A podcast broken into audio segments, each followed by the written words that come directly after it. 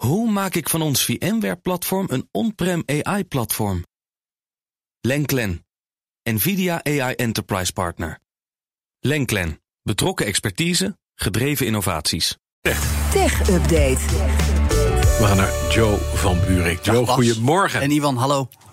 Weer het nodige vuurwerk in de rechtbank van San Francisco. Uiteraard, het gaat nog steeds om het door jou zo geroemde eh, eh, zaak... de overname van Activision Blizzard. Ja, het is echt smullen nu, Het gaat hard tegen hard tussen Microsoft enerzijds, die willen het overnemen... en de, en de Federal Trade Commission, hè, de FTC, de Ja, toezichthouder. Die nog steeds zeggen dat mag niet, die overname. Nou ja, net eh, dag vier van de vijf achter de rug. En ditmaal kwamen echt de big guns aan het woord hoor. Vooral de CEO van Microsoft, Satya Nadella. Drie kwartier lang verhoord door rechter Jacqueline Scott Corley eh, in de rechtbank van San Francisco dus. Ja, en die hele overname, we zeggen het al zo vaak, Bas. Het gaat natuurlijk vooral om die populaire games van Activision. Met name Call of Duty, het eh, mega populaire schietspel. Wat vooral voor Sony PlayStation ontzettend belangrijk is. Hoe belangrijk, daar komen we zo meteen nog even op terug.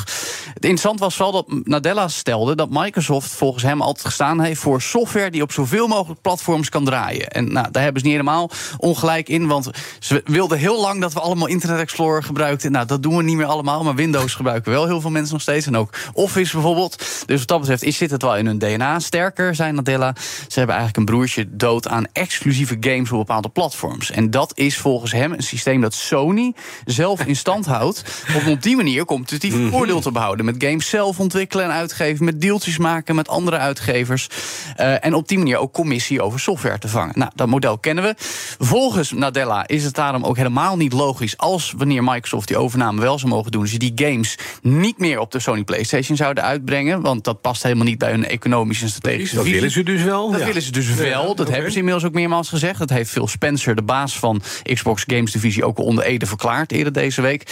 En Nadella zegt ook van we zouden ons echt 100% toewijden aan die games overal beschikbaar maken. Zouden ze dat overigens wel doen, dan zouden 100 miljoen gamers Call of Duty niet meer kunnen spelen. Dat zijn dan weer de woorden van de huidige CEO van Activision Blizzard, Bobby Kotick.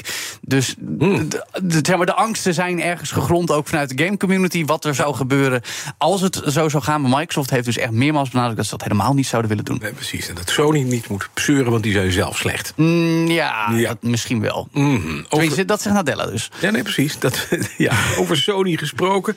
Daarvan lekte de nodige bedrijfsgeheimen uit per ongeluk tijdens eh, eh, deze hele zaak. Dit is een heel boeiend geval van foutje bedankt, Bas. Mhm. Want Sony is eigenlijk helemaal geen partij in deze zaak. Het gaat immers tussen Microsoft en FTC. Maar ze zijn wel als getuigen opgeroepen. En eerder deze week werd ook de topman van de PlayStation-divisie, Jim Ryan, verhoord via video. Dat weer wel was trouwens een beetje flauw. Want volgens eh, experts die bij de zaak zijn, woont hij letterlijk 10 minuten van de Van de rechtbank af. Had op de fiets naartoe gekund. Maar nee, hij deed het via video. Verbinding was ook duidelijk oncomfortabel tijdens het verhoor. Ehm, in het dossier zitten dus ook documenten over de bedrijfs, eh, bedrijfsvoering van Sony PlayStation. Met passages die zijn zwart gelakt, want er zitten natuurlijk vertrouwelijke getallen bij. Ja, precies. Maar dat is met een viltstift gedaan, met de hand. En daarna zijn de documenten ingescand. Oh jee. En door de reflectie bij het Oh. inscannen zijn er toch wat getallen te zien. dus weten we nu zeg. dat de grote blockbuster uit Amsterdam van Sony PlayStation, Horizon Forbidden West, kwam vorig jaar uit. 212 miljoen dollar gekost heeft. Dat was het budget verspreid over vijf jaar met 300 medewerkers bij Guerrilla Games. Andere topgame van Sony PlayStation, The Last of Us deel 2, kostte 220 miljoen dollar. Is door 200 mensen aangewerkt. Nou, eigenlijk, Bas, grosso modo wisten we dit soort dingen wel. Maar nu is het Maar nu ook het hard officieel. en op papier. Precies, om aan te geven hoeveel geld er tegenwoordig gekieperd wordt in de ontwikkeling. Nou, nu leveren ze vaak ook wel het dubbele van hun budget op trouwens. Dus het zijn echt megabedragen. Wat wat levert het op, weten we dat? Nou ja, dat, dat gaat toch wel om ongeveer 450 miljoen eh, dollar eh, omzet eh, op zo'n game. Als het een beetje goed loopt. Even grosso modo ook. Ja. Maar goed, dan ook nog de cijfers over hoeveel mensen nou dat Call of Duty spelen op de PlayStation. En hoeveel geld Sony daar weer mee verdient. Nou, dat wordt ook interessant. 1 miljoen mensen zouden echt 100% van de tijd Call of Duty spelen op een PlayStation. Nou, dat is echt de hardcore. En dan is er nog 6 miljoen spelers die 70% van de tijd Call of Duty doen. Nog steeds significant. In totaal zou het gaan om ongeveer 14 miljoen gebruikers ruwweg.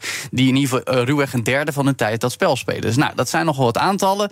En eh, als het dan gaat om de berekeningen van wat levert het Microsoft- of, eh, Sony op met alle ja, commissies erbij. Dan gaat het om een bedrag tussen de 14 en 16 miljard dollar per jaar. Hallo. En dat gaat om commissie van de verkoop van de games, om Ja, ja. extra verkopen, digitaal, microtransacties. Nou, dat geeft ook wel aan waarom Sony zo moeilijk doet over Ja, deze hele vecht, eh, zeker. Ja. Nog even iets heel anders. Chat-GPT-maker eh, OpenAI opent een kantoor in Europa. Jawel, en ondanks dat we wel cynische grappen maken... want eh, hoort het Verenigd Koninkrijk nou nog wel bij Europa? Ja, dat nog jee. wel. Alleen niet meer bij de EU, zullen we natuurlijk Ja. maar zeggen, hè, feitelijk. Maar goed, OpenAI opent daar dus het eerste kantoor... buiten het hoofdkwartier in San Francisco, specifiek in Londen. Dat gaat zijn volgens een persbericht voor research and engineering capabilities... dus het ontwikkelen van dingen, maar ook het samenwerken met lokale communities... en beleidsmakers. Nou, daar zitten een hoop interessante dingen bij. Want topman Sam Altman heeft al gezegd dat hij hoopt meer goede mensen aan te trekken om voor hem te komen werken. En Londen is nog steeds wel een kloppend hart als het gaat om universiteiten en onderzoekscentra. En het is ook de thuisbasis van DeepMind. Eh, DeepMind. En laat dat nou het AI-onderdeel van Google zijn waar het Ja. gebeurt. Dus Ja, en Rishi Sunak heeft laatst gezegd... wij willen regulator worden op het gebied Precies. van AI. De- ze willen de leidende rol pakken in het Ja. opstellen van regulering, het handhaven daarvan. Nou, de UK heeft zich heel erg gepositioneerd, tenminste dat willen ze. En Altman lobbyt zelf weer tegen de AI-wetgeving van de EU, die natuurlijk voor de UK dan weer niet meer van toepassing is. En ik kan me nog zo voorstellen, Bas, dat OpenAI ook wel wat faciliteiten vangt voor het vestigen in Londen. Denk ik ook. Ik Dat- kan me zo voorstellen dat ChatGPT wel- over. Stel, stel ik me vestig in Londen, wat krijg ik dan? Wat dan voor belastingvoordelen zou ik dan kunnen krijgen? Ja, dat is een goede vraag. Ik weet niet of je een antwoord krijgt. Dankjewel, Jo van Buurik. De BNR Tech Update wordt mede mogelijk gemaakt door Lenklen. Lenklen. Betrokken expertise, gedreven resultaat. Hoe vergroot ik onze compute power zonder extra compute power? Lenklen. Hitachi Virtual Storage Partner. Lenklen. Betrokken expertise, gedreven innovaties.